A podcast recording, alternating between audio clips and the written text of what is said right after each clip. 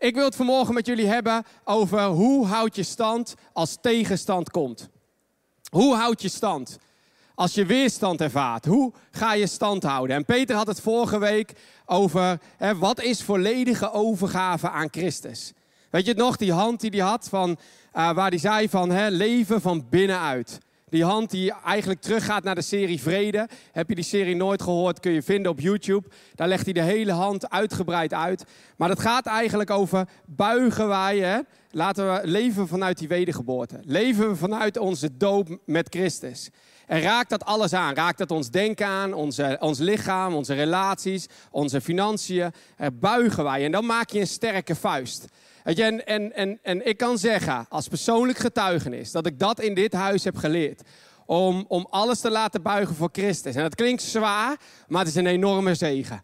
Want dan ga je sterk worden, dan ga je krachtig worden. En dat is wat we verlangen in dit huis, om als een vuist een verschil te maken in het koninkrijk. Maar als je een verschil gaat maken, ga je ook weerstand ervaren. Dit is een moment ja, dat je denkt, ja, het is eigenlijk zo'n amen moment, maar daar wil je eigenlijk geen amen op zeggen, weet je wel? Ja, maar goed, uh, dat is het wel. En daar gaan we met elkaar vandaag over hebben. Want juist datgene wat, wat God voor je klaar heeft liggen, wat Hij in je heeft gelegd, ligt enerzijds, ik zei het al, ligt enerzijds in je. En anderzijds vraagt het moed om uit te stappen. Je moet moedig zijn om dat uit daarin uit te stappen waar God je voor geroepen hebt. Ik liep hier net de zaal binnen en ik dacht, wat een mensen. Het, overviel me even. Gewoon intimidatie. Niet dat jullie intimiderend zijn hoor, maar, hè, maar gewoon even van, oh nee, heb ik wel genoeg om te brengen. En weet je, dan is het God die je bemoedigt. Hier, oh, ik had even een mooi momentje met God die je bemoedigt. Ga, stap uit, maar het vraagt moed om uit te stappen. Ook als het lijkt of iemand het zomaar doet, het vraagt moed om uit te stappen. Maar wat ik zeg, er komt tegenstand om de hoek kijken als je uit gaat stappen. Ik had zo'n moment, een gruwelijke weerstand, toen ik, me, toen ik me liet dopen. En ik ben opgegroeid als hervormde rakker. Ehm, netjes in de, in de banken. Elke zondag kreeg ik ongeveer een draai om mijn oren omdat mijn gulden, ja die tijd hadden we nog, weer onder de banken doorrolden. Want ik kon nooit stilzitten. Alle lampen, ik weet nu nog het aantal lampen. Uh, Zo'n jongetje was ik. Ehm, maar ik ben opgegroeid als hervormde rakker. Maar al langer was ik bezig met de doop. Met de doop van, hé, hey, wat, wat is die doop nou? En ik kwam erachter dat ik me moest laten onderdompelen. Baptizo. En inmiddels um, had ik ook daarnaast, terwijl ik nog daar zat, uh, mijn droombaan gekregen voor toen de tijd. Wat ik ook echt ervoer dat God me die op mijn pad had gebracht. Maar in die gesprekken was ik eerlijk dat ik anders dacht over de doop en dat ik een mooi meisje, Heidi, mijn vrouw, tegen was gekomen die naar doorbrekers ging. En er werd mij verteld dat als uh, ik me liet dopen of vasten voor koos samen om naar doorbrekers te gaan, dat dan mijn contract niet verlengd zou worden. Je kunt, je kunt je voorstellen dat ik wat druk ervoer.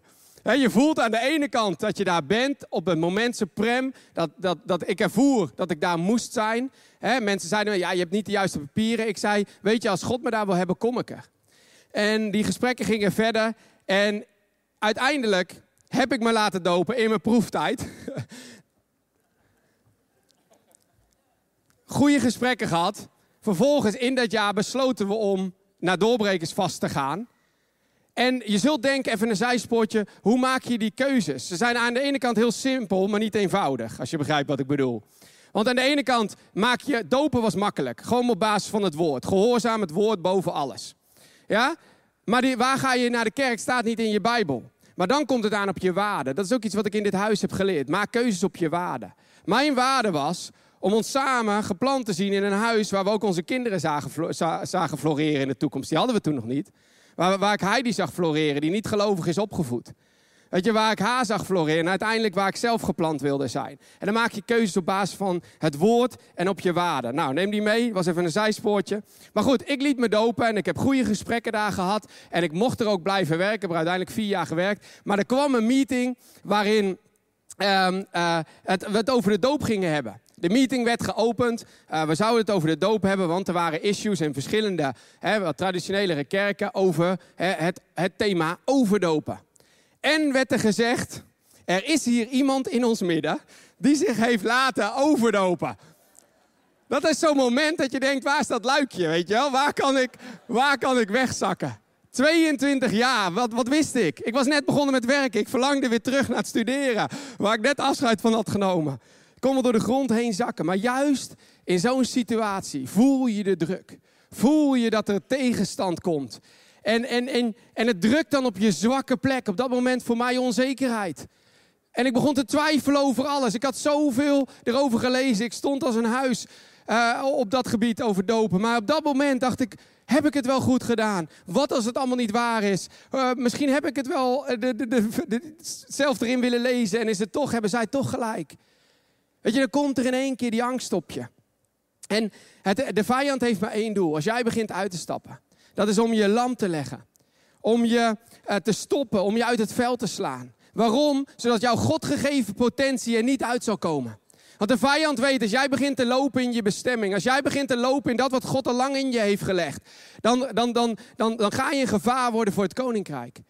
Weet je? Nee, niet voor het koninkrijk, voor de duisternis. Maar dan ga je, je snapt wat ik bedoel, een sterke strijder worden in het koninkrijk om dat uit te delen. Maar weet je, als het dan, hè, het is toch bizar als, het, hè, als je het vergelijkt met dopen. Uh, als het niet waar is hè, dat, dat, dat we moeten onderdompelen en, en, en, in geloof laten dopen, waarom is er dan zo'n heisa over? Weet je, vaak als de tegenstand komt en trekken met verbreden dan dopen. Als de geestelijke tegenstand komt, dan is dat vaak heel irreëel. Dat je denkt, het, gaat hem, het, het, gaat alle proporties te buiten. Je voelt hem hier. Weet je, ik heb dagen rondgelopen met een soort, soort, soort steen in je maag. Weet je, dat je denkt van, waar komt dit vandaan? Weet je, en wat ik al zeg, het gaat drukken op je zwakke plek. Maar de Bijbel zegt dat we niet bang hoeven te zijn. Want hij die in u is, zegt het woord, is groter dan hij die in de wereld is. Christus in jou is groter dan welke tegenstand je ook tegen zou komen. En elke grote leider. Weet je, nee, is nog dit. Weet je, als je erover nadenkt, over die serie van Peter. Christus in jou. Hij die in je is, is groter dan hij die in je wereld is. En dan kun je je afvragen, is, is Christus angstig in jou? Is Christus geïntimideerd? Is hij bang? Nee, weet je, hij woont in je. Hij zegt, mijn vrede laat ik u. Dat woont in je. Hij is de Heer der Heren. En waarom? Zodat wij doorbreken en zoveel mogelijk mensen het koninkrijk inbrengen. Maar je ziet, zodra je begint uit te stappen, alle grote mannen en vrouwen in het woord, in de Bijbel, zie je dat er tegenstand komt. Ik bedoel, Mozes, als eerste de twaalf verspieders die hij uitzond, tien mensen zijn geïntimideerd, zijn bang. En ze, en ze komen niet in een volle bestemming. He, ze zeggen zelfs, we zijn als sprinkhanen in hun ogen. Was helemaal niet waar, blijkt later. He, Gideon, die zit in die wijnpers, angstig. Want de Midianieten komen elke keer, als de oogst weer net rijp is, om het weg te roven. Esther, waarover staat, zij was geboren voor een tijd als deze. Die Haman, moet je me voorstellen, tegen haar op ziet staan. De tweede machtigste man van het koninkrijk, die zegt, ik ga alle joden uitroeien. Esther staat er tegenop en God is met haar. Weet je, dan hebben we David, die gezalfd is als koning. En Saul staat hem na het leven. Hoeveel intimidatie wil je hebben? En elke keer zie je dat als ze opstaan, dat er intimidatie komt, dat er druk komt, dat er, dat er, dat dat er tegenstand komt. Maar de Bijbel zegt, wij vechten niet tegen vlees en bloed. Onthoud dat, hè? we vechten niet tegen mensen. We vechten tegen de geestelijke machten, zegt Efeze. De geestelijke machten die tegenstaan. Waarom stap je uit? Het is niet tegen jou persoonlijk. Nee, het is tegen de, de Christus in jou. Omdat jij begint te wandelen daarin, begint de tegenstand te komen. Hey, en daar gaan we met elkaar, om dit duidelijk te maken en welke tactieken daar de tegenstander voor gebruikt, gaan we het verhaal van Nehemia in. En we gaan uh, van hoofdstuk 1 tot en met hoofdstuk 6. Ja, dus als je je Bijbel bij je hebt, pak hem erbij. Anders schrijf mee, ze komen ook op het scherm. Maar Nehemia, die leefde zo'n 400 jaar voor Christus. En de, de, Joodse volk was dus ballingen weggevoerd naar Babylon. Dat is waar Nehemia leefde. En hij schrijft zelf dit verslag, dit, dit Bijbelboek. En dan beginnen we in Nehemia 1, gewoon vanaf vers 1. Dit zijn de woorden van Nehemia, de zoon van Hagalja. Het gebeurde in de maand Kislu in de twintigste, in jaar toen ik in de burcht Susan was. Hij beschrijft heel gedetailleerd waar ben ik, wanneer was het, als een, als een goed verslag. Uh, en toen kwam Hanani, zijn broer, en hij had mannen uit Juda mee. En ik vroeg hun naar de Joden die ontkomen waren, die uit de gevangenschap overgebleven waren naar Jeruzalem. Ze zeiden tegen mij, de overgeblevenen die uit de gevangenschap daar in het gewest zijn overgebleven, in verkeren in grote ellende en in smaad. In de muur van Jeruzalem zijn bressen geslagen en zijn poorten zijn met vuur verbrand. Nehemia hoort hier de ellendige situatie van zijn volk. Ze zijn berooid, ze zijn, ze zijn, ze zijn tot ja, net toe bijna helemaal weggevaagd daar. Weet je, de, stad is niks meer van over. Er is geen, geen kracht meer over ze. Uh, ze, zijn, ze zijn verslagen, ze zijn beroofd. Uh, dat is wat Nehemia hoort. En het gebeurde toen ik deze woorden hoorde. Dat Nehemia, zegt hij, dat ik ging zitten. En ik begon te huilen. Ik bedreef enkele dagen rouw. Terwijl ik voor het aangezicht van de God van de hemel vastte en bad. Weet je, Nehemia's hart wordt hier diep geraakt. Hij gaat even zitten. Met andere woorden, hij hoort dit bericht en hij is geschokt. En dan begint hij te bidden. Dan begint hij God te zoeken. En hij begint te vasten. Met andere woorden, hij laat de dingen los van de wereld en hij richt zich op God om te horen wat God zegt. En dat is, als je, als je wil weten, waar heeft God jou voor gemaakt? Wat is wat God in jou heeft gelegd? Wat is dat, die unieke stem aan jou? Dan kun je jezelf afvragen, wat raakt jou? Wat raakt je diep? Wat houdt je bezig? Wat frustreert je? Wat maakt je soms zelfs angstig waar je tegenop moet staan? Weet je, wat is datgene wat God in je hart heeft gelegd? Want ik geloof voor ieder van ons, zoals we zitten op elke locatie, geloof ik dat God iets unieks heeft gelegd in je. Om in deze wereld te brengen, om in deze wereld te veranderen, om het licht te brengen in deze wereld. En Nehemia die voelt, dit is iets wat God op mijn hart legt. En hij begint te bidden.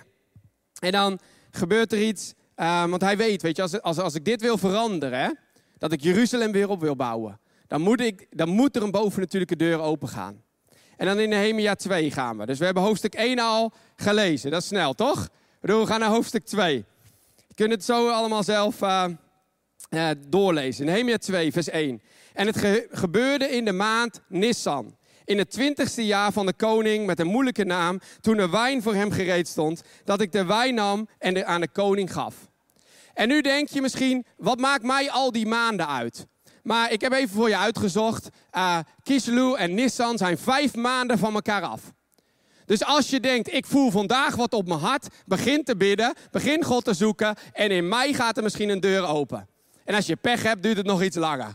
Ja, dus het is niet een dag, het is niet een week, het is niet een maand, het is vijf maanden dat Nehemia God aan het zoeken is om die deur open te zien gaan. Want hij weet, God moet die deur openen. En nu staat er dan, nu was ik nooit in zijn tegenwoordigheid verdrietig geweest. Een andere vertaling zegt, nooit had hij iets op me aan te merken gehad. En dit is zo'n mooie les als het gaat over wat God in je leven wil doen.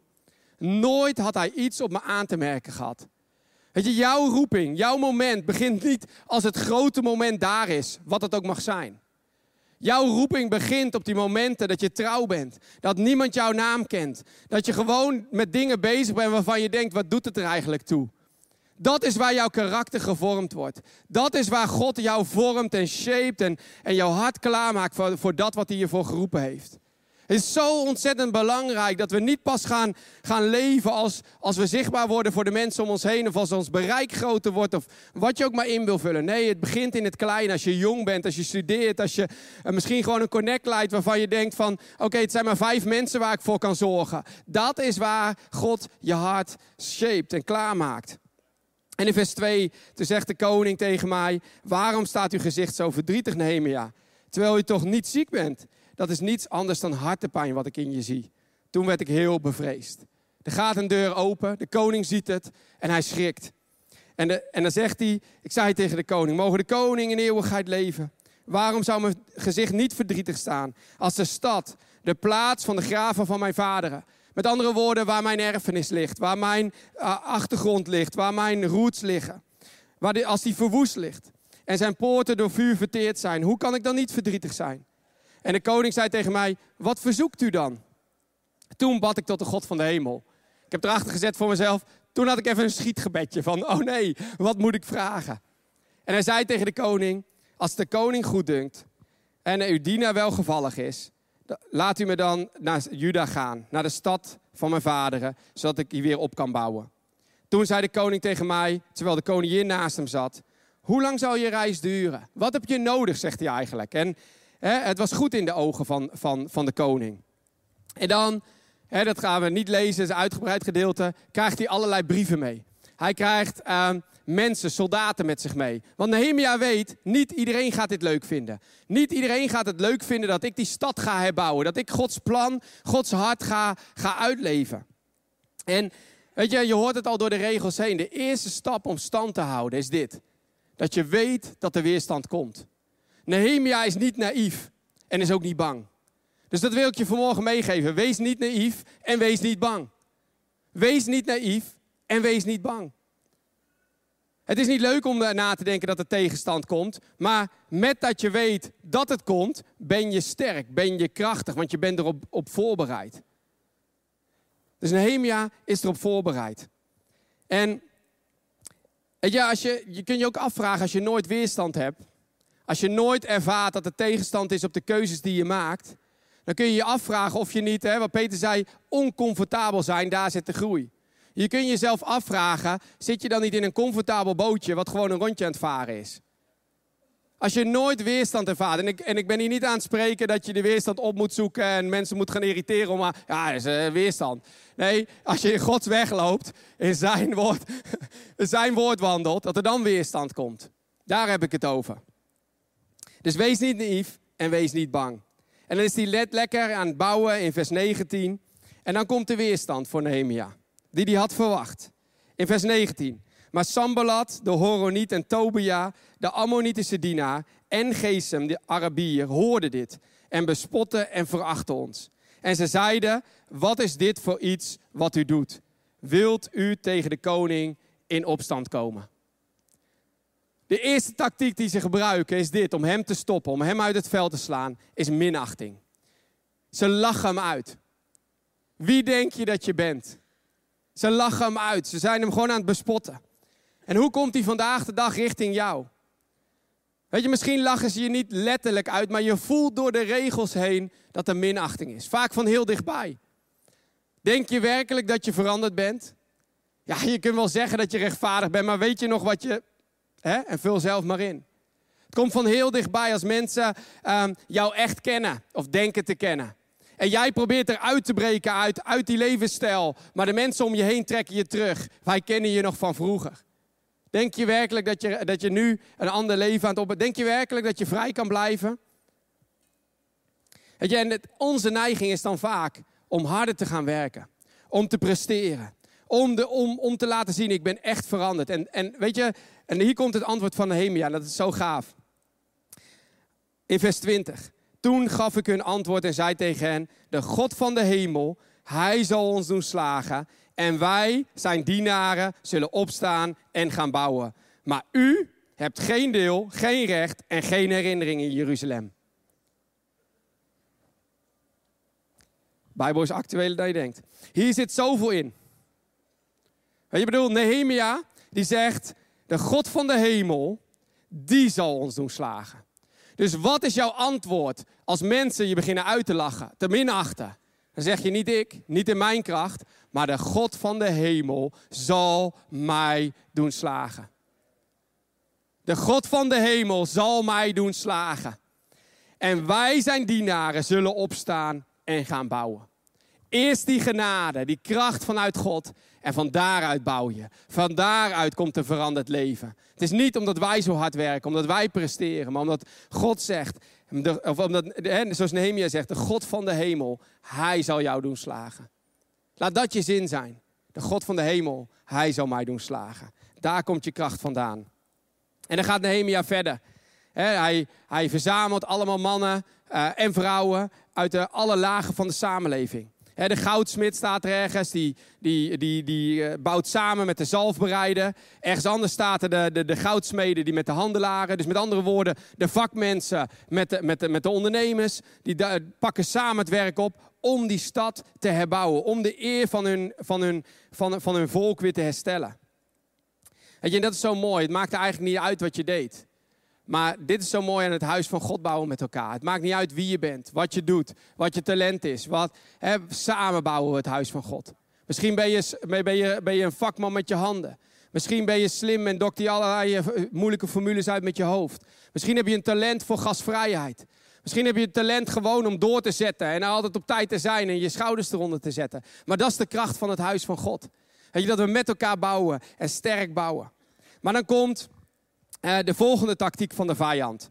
En ik, ik, ik, skip er even doorheen, want dan komen die sambalat en zo er weer aan. En dan in vers 2 zegt, uh, zegt, uh, zegt iemand anders, zegt, wat doen die zwakke joden? Wat doen die zwakke joden? Zal men hun, hun gang laten gaan? Gaan ze soms offers brengen? Wat denken ze wel niet? Willen ze vandaag nog klaar krijgen? Willen ze de stenen uit de puinopen weer tot leven wekken, hoewel die verbrand zijn? En Tobia de Ammoniet stond naast hem en zei, ook al bouwen ze, als er een slechts een vos op de muur klimt, dan maakt hij een bres in hun stenen muur. Tweede tactiek, ontmoediging. De reus van ontmoediging. Je bent net lekker aan het bouwen en er komt ontmoediging. Ik had zo'n moment jaren terug, toen wij na jarenlang uh, bouwen, bouwen, bouwen aan Youth, stopten met Youth. De campusleiders Amersfoort op dat moment en we, hebben Youth overgedragen. En ik voelde die reus van ontmoediging tegen me opstaan. Acht jaar lang, elke vrijdagavond, uh, met, met die gasten bezig zijn. Fantastische tijd. Maar ik hoorde dat stemmetje. Denk je werkelijk dat het verschil heeft gemaakt? Denk je werkelijk dat het verschil heeft gemaakt in hun levens? Al die tijd is het niet voor niks geweest. dat stemmetje begint te praten hier. Die reus begint tegen je op te staan van ontmoediging. En dat is zo mooi dat God daar dan is om je te laten zien: nee, het is niet voor niks geweest. Ik weet nog dat summercamp, het laatste summercamp waar ik uh, verantwoordelijk voor was, dat het was of dat God gewoon vijf, zes mensen op mijn pad stuurde. En zei: hey, dank ik wil je bedanken voor wat je in mijn leven hebt betekend. Hey, door wat je, wat je daar hebt gezegd, dat heeft echt een verschil gemaakt. En ik voel het gewoon als dat God me even wilde bemoedigen van nee, het is niet voor niks geweest. En ik zeg dat altijd tegen mensen die youth leiden, die, die kids leiden, die Forever Jong leiden. Je bouwt aan een generatie. Je bouwt niet een vrijdagavond. Je bouwt niet over een week. Je bouwt niet over een maand. Je bouwt niet, zelfs niet over vijf maanden. Nee, je bouwt een generatie. Dus hou vol. Zet door. En hou stand. Dus het antwoord, ik ga er snel doorheen, van Nehemia. Wees niet bang uh, op ontmoedigingen. Wees niet bang. Denk aan jouw God, de grote, ontzagwekkende Heer. Strijd voor wat je lief is. Dat zegt hij. Ik lees hem nog even voor in vers, 4, vers 14. Ik zag erop toe en stopte op en zei tegen de elen, de machthebbers en de rest van het volk: Wees niet bevreesd voor hen. Denk aan de grote en ontzagwekkende Heer. En strijd voor uw broeders, uw zonen en uw dochters, uw vrouwen en uw huizen. Dat je dus als ontmoediging tegen je opstaat. Houd de grote, ontzagwekkende koning der koningen voor ogen. En houd je ogen gericht op de visie. Dat is wat hier staat. En dan komt het derde. Dan zegt ze in, vers, uh, in hoofdstuk 6, daar uh, in vers 2. Dan komen Sambalat en Gesem weer om de hoek zetten. En ze stuurde bode naar mij toe. En, en zei, kom, laten wij elkaar ontmoeten in Keverim, in het dal van Ono. Als iets Oh No heet, dan moet je er niet zijn. Ja? Even voor de duidelijkheid. Want zij dachten mij echt kwaad te doen. Toen stuurde ik bode naar hen toe en zei: Ik ben met een groot werk bezig. Ja? Nehemia wist, blijf in die race, zoals Paulus beschrijft. Ga niet, ga niet naar, je, naar je haters op de tribune en, en, en, en, en daarnaast zitten om een discussie te winnen, want je verliest de race. Bouw door, ga door, houd stand, laat je niet afleiden. En dan, hij zegt, ik ben met een groot werk bezig. Dus hij weet waar hij mee bezig is. Weet wat je bouwt. Hij bouwde wat op Gods hart lag. En dan stuurt, sturen ze vier keer dezelfde boodschap. Gaan we niet lezen, maar de vijfde keer zijn ze het zat. En dan komen ze met de volgende tactiek. In vers 6, 6 vers 6. Daarin stond geschreven, de volken is ter oren gekomen.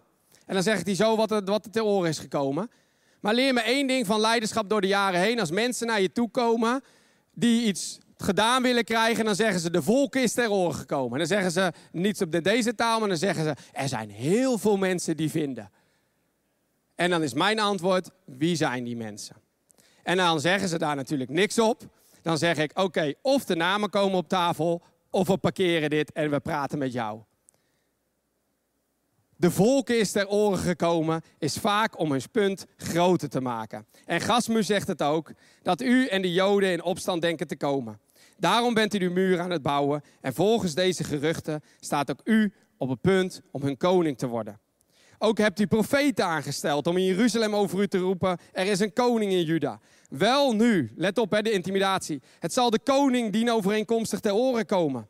Wel nu, kom laten wij samen overleg plegen. Dus ze zetten de kracht bij. Ze willen hem naar beneden trekken, naar het niveau van hun.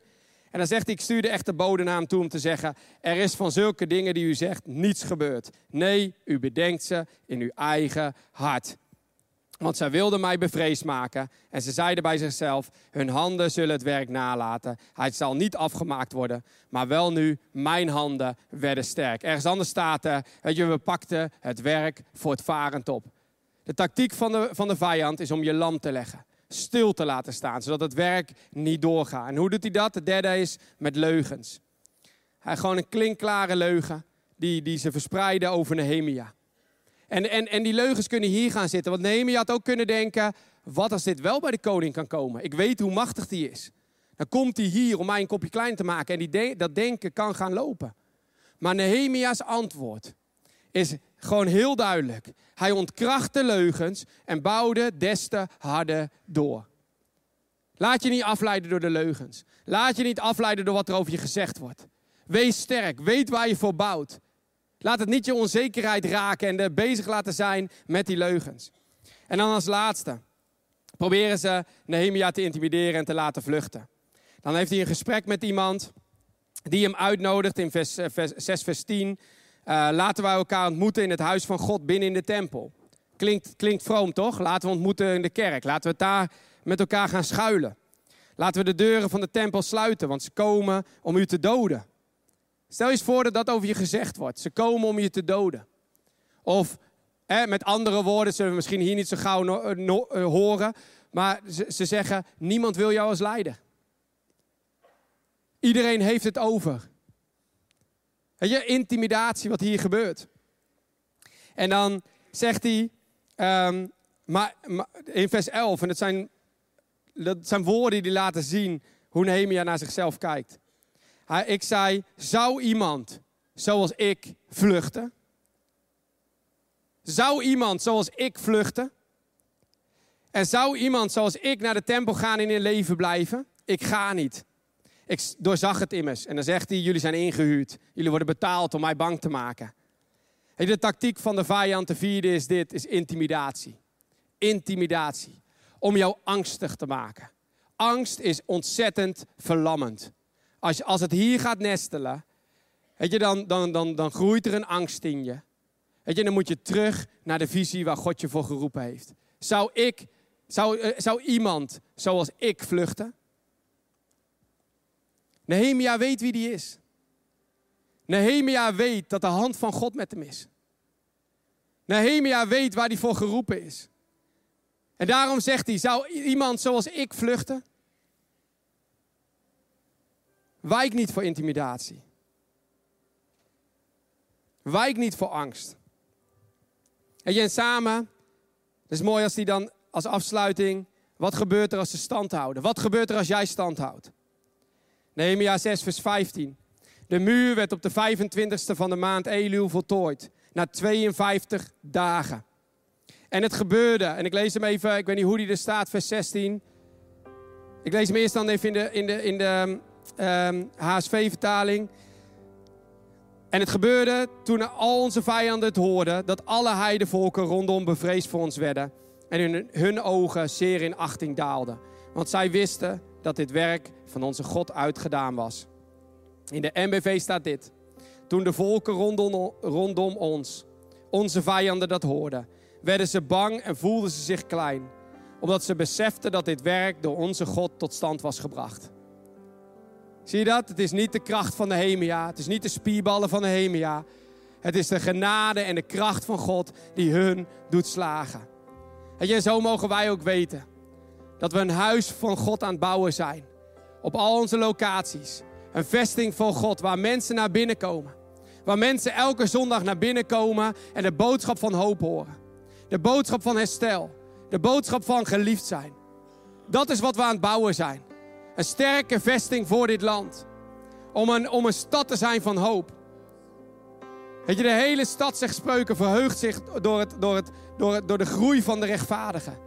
Hoe zal dat zijn als er zoveel rechtvaardigen bij elkaar zijn en de, en, en, en, en de stad verheugt zich over de rechtvaardigen? Wij zijn geroepen om dat koninkrijk te brengen op plekken waar het koninkrijk nog niet is. Nog niet is doorgebroken. Wij mogen een stad bouwen. En Nehemia bouwde wat er op Gods hart ligt. Die vraag wil ik je vanmorgen stellen. Wat heeft God op jouw hart gelegd? Of waar ik hem anders zeggen? Wat ligt er op Gods hart wat jij ervaart? Nehemia ervoer, dit ligt er op Gods hart. Zijn stad ligt in puin. Wat ligt er op Gods hart? Mensen. Waar gaat je hart naar uit? Welke doelgroep? Wie wil jij bereiken? Weet je, we gaan richting kerst. We willen deze hele zaal over alle locaties, alle zalen vol zien. Met mensen. De show is een middel om mensen te bereiken. Om vervolgens te zien dat mensen naar Alfa gaan. Stappen zetten om Jezus te leren kennen. Weet je welk deel van de muur, net zoals de mannen en de vrouwen van Hemia, pak jij op? Zeg je, geef mij dat deel. Daar schreeuwt mijn hart naar. Als ik dat braak zie liggen, als ik dat, daar nog geen poort in zie, dan, dan doet dat zeer in mijn hart. Je, laten we een moment onze ogen sluiten.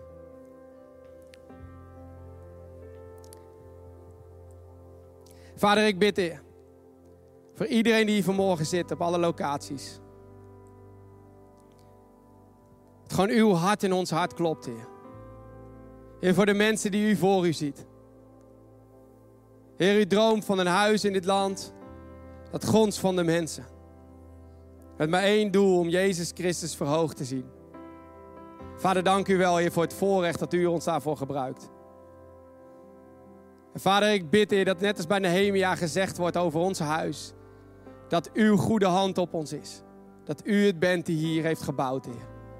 Heer, dat de pestkuipen van dit huis zullen overlopen. Heer, dat, we gewoon, dat het niet anders kan dan gezegd worden dat het uw werk is, Heer. Vader, en van deze ochtend zeggen we tegen u, Heer, we zijn beschikbaar. En als jij dat wil, zeg het gewoon één moment voor jezelf. Heer, ik ben beschikbaar. Hier zijn mijn handen. Heer, gebruik mij voor dat wat er op uw hart ligt. Dat je vertrouwt erop, dat als jij daarvoor gaat bidden, dat je de deuren open zullen gaan. Dat je hart geraakt zal worden door dat wat God hart raakt, Gods hart raakt. Vader, dank u wel, Heer, dat u ons gebruikt. Onze handen, ons talent, onze tijd, Heer. Dank u wel, Vader. Dank u wel, Vader.